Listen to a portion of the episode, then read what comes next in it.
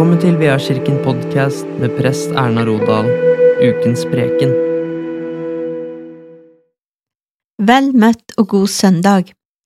Vi er kommet til 21. søndag i treenighetstiden, og teksten for i dag er hentet fra Lukas evangelium, kapittel 16 og versene 19 til 31, og har du en bibel i nærheten, kan du gjerne lese sammen med meg.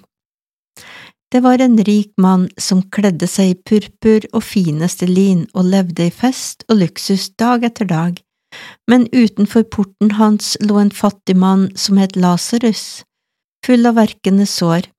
Han ønsket bare å få mette seg med det som falt fra den rikes bord. Hundene kom til og med og slikket sårene hans. Så døde den fattige, og englene bar ham til Abrahams fang. Den rike døde også og ble begravet.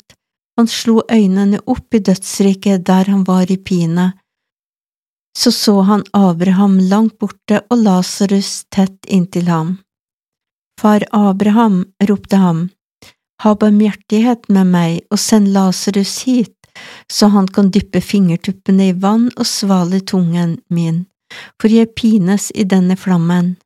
Men Abraham svarte, Husk, mitt barn, at du fikk alt det gode mens du levde, og Lasarus fikk det vonde.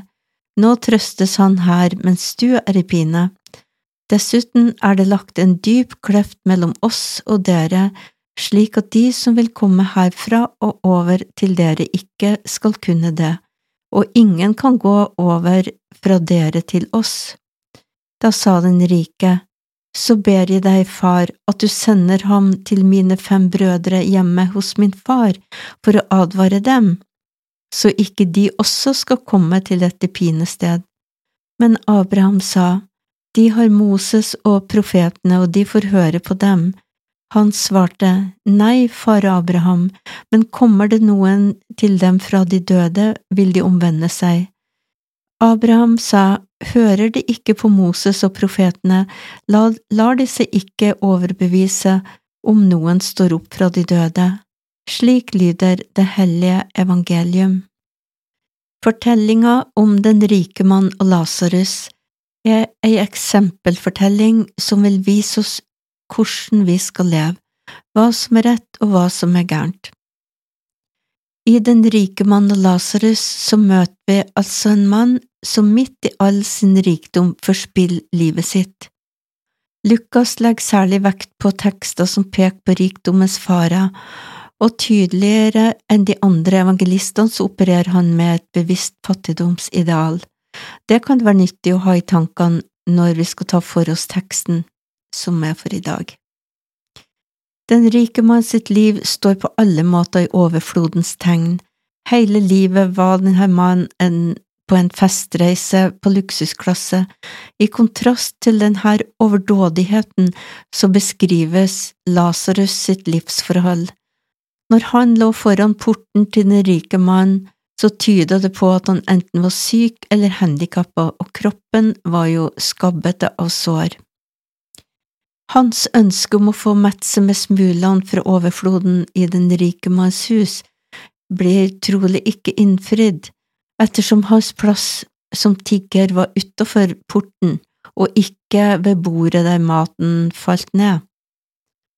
Og fornedrelsen understrekes enda mer ved at det var ureine hunder som kom og slikka sårene hans, og dypere ned går det knapt an å synke så får vi tegne et grelt bilde av en mann som totalt overser et medmenneske i nød, og som ignorerer Moseloven sine krav om nestekjærlighet. For det kan vi lese om i Tredje Mosebok kapittel 19 og vers 189, et bud som han som jøde var forplikta seg på. Lasarus sin situasjon var et skrik om barmhjertighet, men ropet ble fullstendig overhørt, selv om den rike mann kjente den fattige ved navn. Saken er at den rike mann går feil fordi han aldri har lytta til Guds ord og heller ikke ønska å gjøre Guds vilje. Den rike mann dør også, og her er det ingen guddommelig æresbevisning å få. Det vi også ser, er at eh, det nå er Lasarus som har det bra, som ligger i Abrahams fang, og den rike mann er gått fortapt. Vi som lever i Norge i dag, er på mange måter lignelsens rike mann. Vi hørte den tredjedel av jordas befolkning som absolutt ikke har et daglig problem med å skrape sammen til livets opphold, men vi har ikke alltid hatt det sånn i Norge. Vi har ikke alltid hatt den overfloden som vi har i dag. Men hvordan forvalter vi den overfloden? Hvis vi snur litt på teksten og ser på hva den rike mann skulle egentlig ha gjort med sin rikdom, han hadde stor overflod til all god gjerning, han hadde mulighet til å kunne dele sin rikdom med mange, han hadde mulighet til å bety en stor forskjell i fellesskapet av de troende, og til å gi en utstrakt hånd til mange som sto utafor, hvis han bare hadde ikke vært så opptatt av rikdommen sin.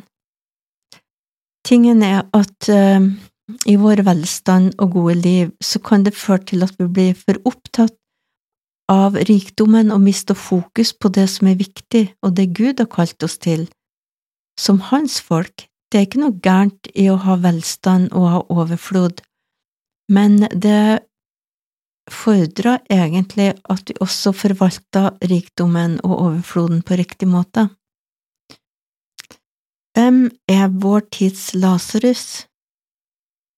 Tingen er at uh, hvis vi bruker øynene og ser oss litt rundt, så tror jeg vi alltid kan se at det er noen som har behov, og noen som trenger hjelp, enten det gjelder penger eller klær, men også et hyggelig blikk, et oppmuntrende ord, kanskje ei håndstrekning, det kan òg være å møte behov som finnes rundt oss, og Jesus ønsker at vi skal se alle menneskene vi møter, med hans kjærlighet, med hans øyne, med hans blikk.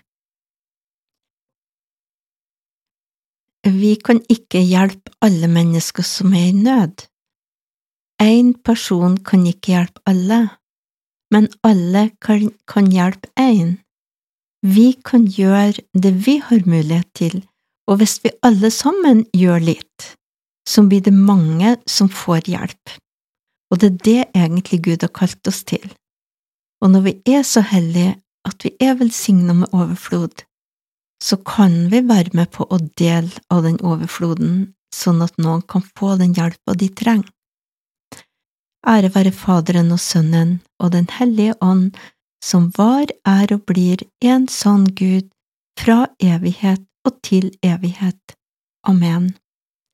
Ta imot velsignelsen. Herren velsigne deg og bevare deg. Herren la sitt ansikt lyse over deg og være deg nådig. Herren løfte sitt ansikt mot deg og gir deg fred.